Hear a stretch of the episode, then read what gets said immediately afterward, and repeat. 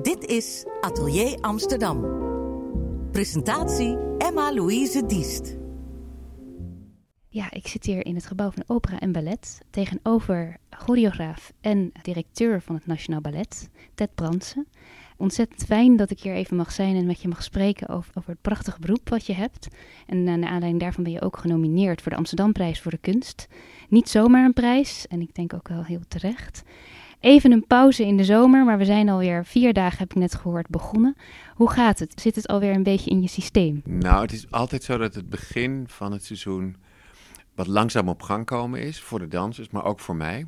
We zijn vanaf uh, vier dagen zijn we, dus, zijn we dus bezig en de eerste dingen komen, uh, ja, komen op ons pad. Uh, een danseres die terugkomt en vertelt, ja, ik kan helaas niet dansen, ik ben zwanger.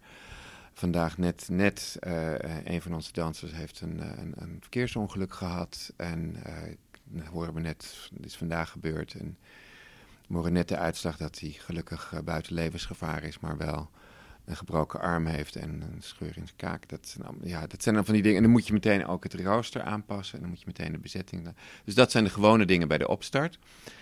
Uh, maar verder, we hebben zin in het nieuwe seizoen. Maar pas vanaf volgende week begint het echt. Eind van deze week, dan begint het pas echt weer uh, op volle vaart ja. verder. En hoe kijk je naar het komende seizoen? Is dat elke keer anders? Of heb je een bepaalde methode om daar weer langzamerhand in te geraken?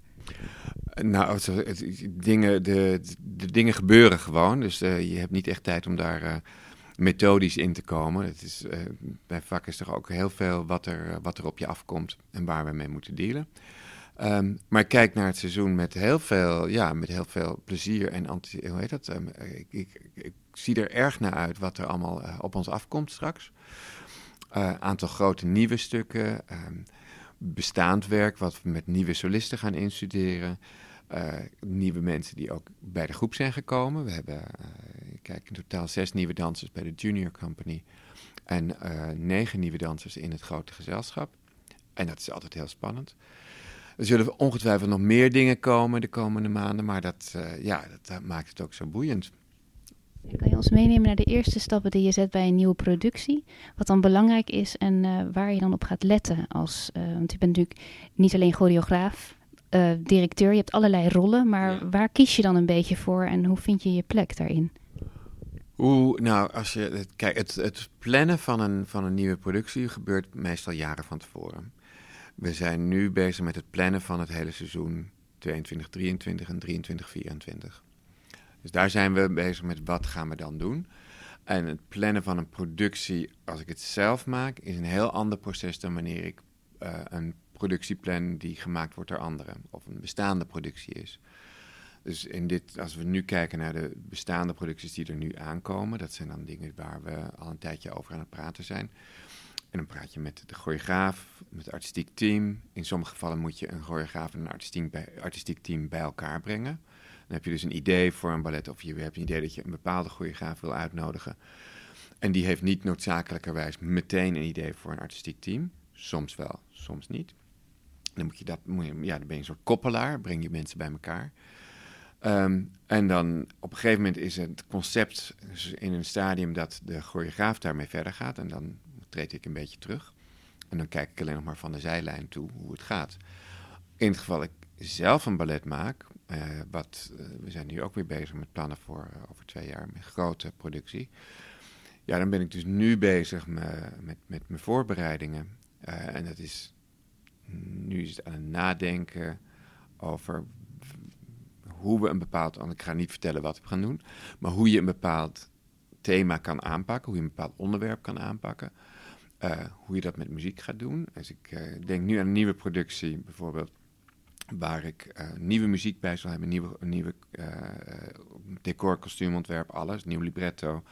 Ben ik in eerste instantie nu met de librettisten aan het, aan het werk over op wat voor manier kunnen we hier een ingang vinden, zodat dat een duidelijk, helder en interessant verhaal wordt wat je in dans kan vertellen. Want een verhaal vertellen in woorden is één ding, maar in dans is een heel ander gebeuren. Nou, dat stadium zijn we nu, dat is nog het hele hele prille stadium eigenlijk. Dan heb ik nu voor dit geval al wel een idee over welke artistiek team ik daarbij wil hebben, maar die hebben we nog niet vastgelegd. Dus daar moeten we die zo snel mogelijk erbij gaan brengen. En dan ga je als, met een heel artistiek team brainstormen over wat is onze visie op dit stuk? Wat, is dus, wat gaat het worden? En dan ben ik zeg maar de leider van een heel artistiek team, maar waar iedereen zijn input bij geeft. Dus het zijn verschillende, manier, verschillende manieren om uh, uh, ja, je planning te doen. Je hebt het over een visie die dan steeds duidelijker wordt. Mm -hmm. En ga je voorafgaand aan een gesprek met andere groepen, met mensen die je er graag wil, bij wil betrekken, ook eerst eens bij jezelf, geef je jezelf daarvoor ruimte om eerst je eigen visie duidelijk te hebben? Ja, dat is altijd het, uh, het belangrijkste. Je moet altijd wel zelf een soort richting hebben. Maar als je met een artistiek team werkt, dan is het ook belangrijk dat je mensen hebt waar je juist ook wat van wil horen.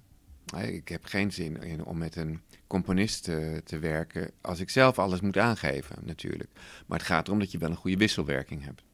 Dat gaat dan over individuele producties. Als het gaat over het plannen en het programmeren van het hele seizoen, wat ook een groot deel van mijn werk is, dan werk ik inderdaad met meer mensen. Met zowel mensen van onze marketing, hoofdmarketing, onze hoofdplanning. Uh, Rachel Beaujean, de, de adjunct artistiek directeur, voor de, voor de artistieke input. Onze muzikaal leider. En dan, krijg, dan kijk je naar verschillende aspecten van hoe maken we een seizoen. Wat zijn de dingen die het publiek wil hebben? Wat zijn de dingen die we heel lang niet gedaan hebben? Wat kunnen we ons veroorloven? Wat is interessant voor de dansers? Wat is interessant voor het orkest? Hoe kunnen we een mix maken van een programmering voor een heel seizoen van verschillende aspecten van ons vak, waarin alles aan bod kan komen. Je kan natuurlijk nooit alles doen, dus welke accenten kiezen we dit jaar wat gaan we daar, wat is daarvoor nodig? De accenten voor een bepaald jaar, een seizoen, wat een bepaalde ja. kleur krijgt. Maar wellicht ook wel uh, de stijl van het hele gezelschap in zijn geheel. Uh, ben je daar veel mee bezig? Dat je die koers een beetje houdt? Dat mensen een bepaald beeld hebben als ze het Nationaal Ballet horen? Dat ze dan een beetje een beeld hebben daarbij? Uh, ja, maar dat is bijna, ja, dat is een soort, dat zit al, overal doorheen verweven. Meer dan dat dat een apart iets is waar je heel vaak bij stilstaat. Um, dus het DNA van het Nationale Ballet, zeg maar. Dat is iets wat we, waar, we, waar wij heel erg toch wel duidelijk over kunnen zijn. Uh, maar wat, zich, wat ook steeds zich ontwikkelt en wat steeds anders wordt. Het Nationale Ballet is een groot klassiek balletgezelschap. Wat heel avontuurlijk is en een traditie van vernieuwing heeft. En vanaf het begin van het bestaan van ons gezelschap zijn die grote klassiekers en het nieuwe werk, het experimentele werk, even belangrijk eigenlijk. Nu zijn we het enige balletgezelschap in Nederland en een van de weinige grote klassieke gezelschappen op dit niveau in ons deel van Europa. Dus dat, neemt, betekent ook dat je daar een bepaalde verantwoordelijkheid neemt voor, ja, voor die kunstvorm. En voor ons land en voor onze regio. Wat, wat, je, wat je kan brengen. En op welk, ja, we willen het sowieso altijd op het hoogste niveau brengen. Dus we kijken naar wat zijn de dingen die, die interessant zijn om daarbij te voegen bij wat we al hebben. En wat zijn de dingen die we al hebben, die we nog eens een keer uit de kast willen halen en nog een keer afstoffen en nog een keer laten zien. Dus dat is een beetje. De, ja. Kan je daar een voorbeeld van geven waar je dan specifiek naar op zoek gaat? Dingen die je kunnen helpen of ja, uh, die inspiratie kunnen geven of uh, misschien wel bij andere kunstvormen kijken? Uh, ja, je moet, ja, ik kijk natuurlijk heel goed naar wat er verder in onze balletwereld, de internationale balletwereld, gaande is en wat daar speelt. Je kijkt naar nieuwe ehm, kunst, uh, kunstenaars die, die, die, die, op, die, die binnenkomen. Uh, ontwikkelingen in theater en in muziek.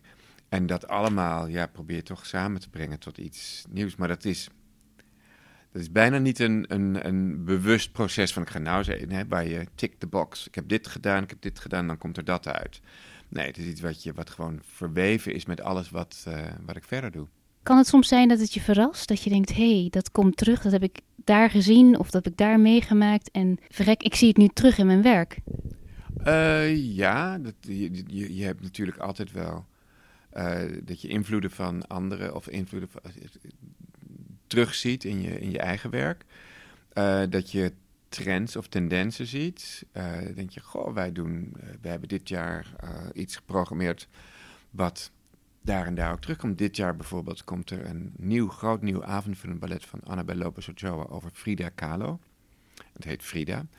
En het wordt een, dat wordt de grote nieuwe productie dit jaar. En dan zie ik toevallig dat er twee tentoonstellingen over Frida Kahlo dit jaar ook in Nederland komen. Nou, dat is natuurlijk een prachtige bijeenkomstigheid. Dat was niet iets wat gepland was, wat we van elkaar wisten, maar wat wel, wat wel weer mooi bij elkaar kan uh, samenkomen. En ook wellicht, um, als je zelf een productie hebt gebracht die heel veel succes heeft, dat je die langzamerhand bij, bij andere gezelschappen ook terugziet. Daarvan facetten bijvoorbeeld. Gebeurt dat ook wel eens? Um, nou, dat niet, niet in die zin. Maar wat je wel ziet is dat we, uh, als wij een succesvolle productie hebben, dat die overgenomen wordt door anderen. We hebben bijvoorbeeld, ik denk, nu hebben we Cinderella gedaan, tien, acht jaar geleden hebben we een, een nieuwe productie gemaakt van Cinderella. Gemaakt door de choreograaf Christopher Wilden. In 2012, zeven jaar geleden. Het was een enorm succes. Het was een co-productie met eh, San Francisco Ballet, waar het een jaar later in première, of een half jaar later in première is gegaan. Uh, zowel wij hebben ermee gereisd internationaal. We zijn ermee naar Hongkong, Londen geweest. Het is een enorm grote. En we gaan volgend jaar uh, naar Parijs ermee. Uh, San Francisco Ballet is ermee naar New York geweest. En nu heeft English National Ballet, dat, ballet de rechten van dat ballet aangekocht. Want na zoveel jaar zijn die rechten dan weer vrij en liggen ze bij de, bij de choreograaf. En die hebben een nieuwe versie daarvan laten maken voor de Royal Albert Hall. Dus in uh, in het rond. Hè? En dan zitten meteen 5000 man. Dus meteen een heel ander soort gegeven geworden. En ik ben daar bezig kijken van de zomer. Dat zie ik onze productie maar twee keer zo groot. Met in plaats van 24 uh, eh, mensen in het Cordoballet, 48 mensen in het Cordoballet. En dat is natuurlijk heel leuk om dat te zien. Dan zie je dat ons, wat we hier gecreëerd hebben, dat het een nieuw leven ergens anders kan krijgen. Ja. Je geeft even een voorbeeld dat je gaat kijken um, bij collega's of naar zo'n stuk. Um, dan heb je de rol als directeur, de rol als choreograaf, maar ook als danser zelf. Hoe kijk je naar zo'n stuk? Wat zijn de eerste dingen die je kunnen opvallen? Hoe kijk je naar het toneel? Ja, je kijkt natuurlijk altijd vanuit een professionele oogpunt. Kijk altijd van hoe zit het in elkaar, hoe wordt wat is de kwaliteit van dansen, hoe, hoe loopt zo'n stuk, hoe werkt het, hoe, hoe ja, als het gaat om, het gebeurt wel vaker dat we een stuk hebben wat bij ons gecreëerd is, wat ergens anders dan ook gaat. Dan kijk je toch heel kritisch naar hoe, naar alle aspecten van de belichting tot uh, het toneelbeeld. Maar vooral de, de uitvoering van de dans, hoe is de muzikale kwaliteit. En dat is, dat is interessant om dat, te zien hoe wij ons daartoe verhouden. En dat is ook een van de redenen waarom ik toch veel, veel naar het buitenland ga. Ook om te zien wat er nieuw is, maar ook om te zien waar wij, waar wij staan in de wereld. Want dat moet je constant blijven afmeten. En je moet ook heel erg uitkijken dat je niet uh, achterover rust op je lauweren. Hè? Want dat is nooit goed. Dus we moeten altijd blijven, we moeten altijd blijven pushen, dat we verder blijven gaan. Dat we uh, meer willen van onze dansers, dat we een hogere kwaliteit willen. En dat we met nieuwe dingen blijven komen, want andere mensen doen dat ook. Ja, dus niet uh, rusten. Dus dat betekent dat je het ongemak soms even moet opzoeken. Hoe maak je het je soms een beetje ongemakkelijk of moeilijk wanneer je voelt, hé, hey, het wordt te gemakkelijk? Nou, het gebeurt niet zo vaak dat het te gemakkelijk wordt hoor, eerlijk gezegd. Het is, het is altijd een uitdaging om gewoon. Eh, het, het moeilijkste wat er is, lijkt wat heel, wat heel gewoon is, is gewoon een goede voorstelling op het toneel brengen. Dat is het moeilijkste. En die kwaliteit constant vast te houden. Dat is nooit vanzelfsprekend. Uh, dus het gebeurt nooit dat je, dat je een beetje achterover en denkt: oh, het gaat nu wel een beetje heel makkelijk. Nee. Uh, het is wel zo dat je, als je in een seizoen soms in een, in een flow komt, dat je denkt: nou, nu gaat alles goed. Dan kan je er donder op zeggen dat er dan ook meteen iets fout gaat. Uh, want het zal nooit lang zonder uitdagingen blijven. En ja, je zoekt zelfs altijd het risico op. Ik zoek zelf altijd in programmering en in het aannemen van mensen, zoek je toch altijd naar spannende, uh, spannende nieuwe dingen. Omdat, je dat voor ons, omdat ik dat voor ons publiek wil brengen. Er zijn een aantal nieuwe aanwinsten, letterlijk nieuwe dansers bij. Kan je daar iets over zeggen? Wat, wat jou daarin zo um, ja, blij maakte of, of heel erg enthousiast maakte? Dat je, dat je dingen zag waarvan je dacht: hé, hey, dat is iets nieuws of daar wil ik mee werken, waardoor je echt heel veel energie kreeg. Ja, nou, het is altijd als je met nieuwe dansers. We hebben, wat ik zei, we hebben nu in het grote gezelschap negen nieuwe dansers. Zes daarvan komen uit de Junior Company. Dus die ken ik al een jaar of twee jaar. Uh, en dat zijn allemaal stuk voor stuk getalenteerde jonge dansers. die in de Junior Company een enorme ontwikkeling hebben doorgemaakt. en nu klaar zijn om het grote podium op te gaan. en om in het grote gezelschap echt een rol te spelen. En stuk voor stuk ben ik heel benieuwd hoe dat uh, verder gaat. En heel dol op ze, die ken ik al. Eh, we hebben ook drie mensen die uh, vanuit andere gezelschappen bij ons in het grote groep in het grote gezelschap komen. Dus die hebben ergens anders gedanst. Twee daarvan had ik gezien in het gezelschap in München, waar zij dansten. een jongen en een meisje. En, een van, en die jongen die kende ik al wat langer. Die had ik al wat vaker gezien bij competities. En ik vond het heel leuk toen zij auditie kwamen doen. En bij toevallig plek bleken te hebben. Ja, we hebben heel veel mensen die auditeren, hè, elk jaar. Echt honderden. 700 aanvragen voor de junior company alleen al. En daar hebben we er uiteindelijk drie van aangenomen. Dus dat kan je nagaan. Um, en een andere jongen die nieuw is, is een Amerikaanse jongen. Die, uh, ik was naar een voorstelling van een, van een choreograaf van ons. Die een nieuw stuk had gemaakt in Duitsland, in Dortmund. Daar danste deze jongen. Goh, wat is dat een goede danser. En na afloop bij de receptie kwam hij praten en zei hij van... ik ben eigenlijk zo geïnteresseerd in jullie gezelschap... zou ik een keer auditie mogen komen doen. Dat heeft hij gedaan. Toen kwam de positie vrij. Nou, dan, is het, dan, klopt dat. En dat is iemand die, uh, nou, waarvan ik ook hoop dat hij uh, het heel goed gaat doen. Het is natuurlijk wel een andere overstap als je van een andere compagnie hier naartoe komt of uh, al binnenshuis, je kent elkaar al. Vraagt het van jou dan ook iets anders, wat je kan bieden aan deze dansers? Uh, ja, de, dat valt wel mee. Ik bedoel, we, ik, ik, we hebben in totaal met de Junior Company bij 88 dansers. Uh, daar ben ik, die ken ik allemaal natuurlijk persoonlijk, maar dan zit ik niet persoonlijk elke dag uren mee te praten. Dat kan je je voorstellen. Dus mm, uh, mijn betrokkenheid is vooral ook op het artistieke vlak en op de keuzes die we maken, die ik maak bij de casting. En bij nieuwe mensen moet ik juist heel goed opletten die, die drie nieuwe mensen die van buiten komen, die moet ik nog leren kennen. Die moet ik nog leren zien of ze echt niet alleen goed kunnen draaien en springen en al dat soort dingen, maar hoe snel ze zijn, hoe ze zich verhouden tot andere dansers, hoe ze op het toneel zijn, hoe spontaan ze zijn of niet. Dus voordat ik ze goed kan casten, moet ik ze eerst een beetje beter leren kennen. Terwijl met die juniors, die ken ik al. En daar weet ik wat ik ervan kan verwachten. En dan weet ik ook wie ik harder kan pushen en wie iets meer tijd nodig heeft om uh, het beste resultaat uh, te bereiken. Heb je een bepaalde manier om, om een danser een beetje, een beetje te testen? Nou, er is niet één manier voor. Uh, kijk, als je iemand hebt met, waarvan je denkt die heeft talent en er is binnen de programmering ruimte om die, iemand, die persoon een kans te geven, dan geef je dat meteen. Is dat de beste manier. Geef een goede rol en kijken wat ze ermee doen. Dat is de test. Um, andere mensen moeten gewoon wat, die moeten wat meer tijd hebben. Die moeten, die moeten langzamer begeleid worden. Uh, maar uiteindelijk is het zo dat ja, het puntje komt bepaald, je moet het toch op het toneel doen. En dan sta je er in je eentje. Dus dan is, dan is dat het bewijs wat geleverd moet worden. En 9 van de 10 keer gaat dat best wel goed. Je hebt zelf natuurlijk in je carrière ook begeleiding gehad als danser. En uh, misschien in je carrière ook wel mensen die je tot steun zijn geweest heb je daar heel veel van geleerd? Dat je denkt, ja, dat moet ik, dat moet ik ze geven of dat is belangrijk? Of zijn er andere dingen die je gewoon gaandeweg hebt geleerd in, het, uh, in de nieuwe rol die je hebt gekregen wellicht? Um, beide. Ik heb natuurlijk veel gehad aan, uh, aan bepaalde mensen die... Kijk, als danser uh, was Rudy van Danzig bepalend voor mij. Die heeft mij aangenomen en die was toen de directeur. En die heeft mij ook in een aantal van zijn balletten goede rollen gegeven. En zijn manier van uh, gewoon iemand in een rol gooien zonder daar veel, eh, die, ik, niet veel over, over die rol gesproken, nooit. Dat, gebeurde helemaal niet. Je ging het gewoon passen doen, je ging het doen. Uh, en ik had wel hele leuke gesprekken over andere dingen met hem, maar niet daarover per se. Dat was in het werk, door het werk, daar kom je er. En ik denk dat dat belangrijk is, dat je uiteindelijk door het werk, door het te doen, is, eh, kom, je, word je een betere danser. Uh, wat ik wel geleerd heb ook, is dat het belangrijk is dat, dat je het gevoel hebt dat mensen je, dat er iemand achter je staat. En dat is altijd zo in het leven natuurlijk, in wat je ook doet.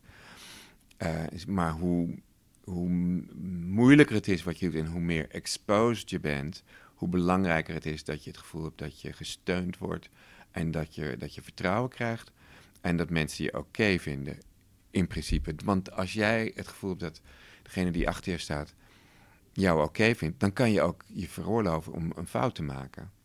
Weet je, en als je de hele tijd maar denkt van, oh, dan sta je de, dan wordt het op een gegeven moment ja, heel lastig om, om nog uh, echt het beste uit jezelf te halen. Hetzelfde met sportmensen. Ik denk dat die, je hebt een coach nodig die, in je, die je pusht en tot het uiterste duwt, maar vanuit een gevoel van vertrouwen. En dat is denk ik het belangrijkste wat ik mm, uh, kan geven. Uh, een gevoel van dat, dat mensen gewenst zijn, dat, dat hun bijdrage ertoe doet. En dat, ze, uh, dat ik vertrouw dat ze het ook goed kunnen doen. En dat ze, ja, dat als, het, als ze onder de maat presteren, dat ik meer van ze verwacht. En dat, ze dat, je, dat ik het uiterste van ze verwacht, want ik verwacht ook het uiterste vanuit mijzelf in wat we doen. Dat je dan uiteindelijk dat misschien ook echt dat resultaat ziet ja, op het toneel. Dat is het leukste wat er is. Kijk, dat is, dat is het mooiste van, van dit aspect van mijn vak. Dat je de jonge mensen kan helpen iets te bereiken. En uh, dat, dat, dat je andere mensen kan laten bloeien. Dat vind ik het leukste. Daar gaan we heel veel van meemaken, denk ik, de komende seizoen. En ik hoop dat je heel erg gaat genieten van al dat nieuwe talent wat je in huis hebt en het uh, talent wat er al is. Bedankt voor dit gesprek. Dankjewel.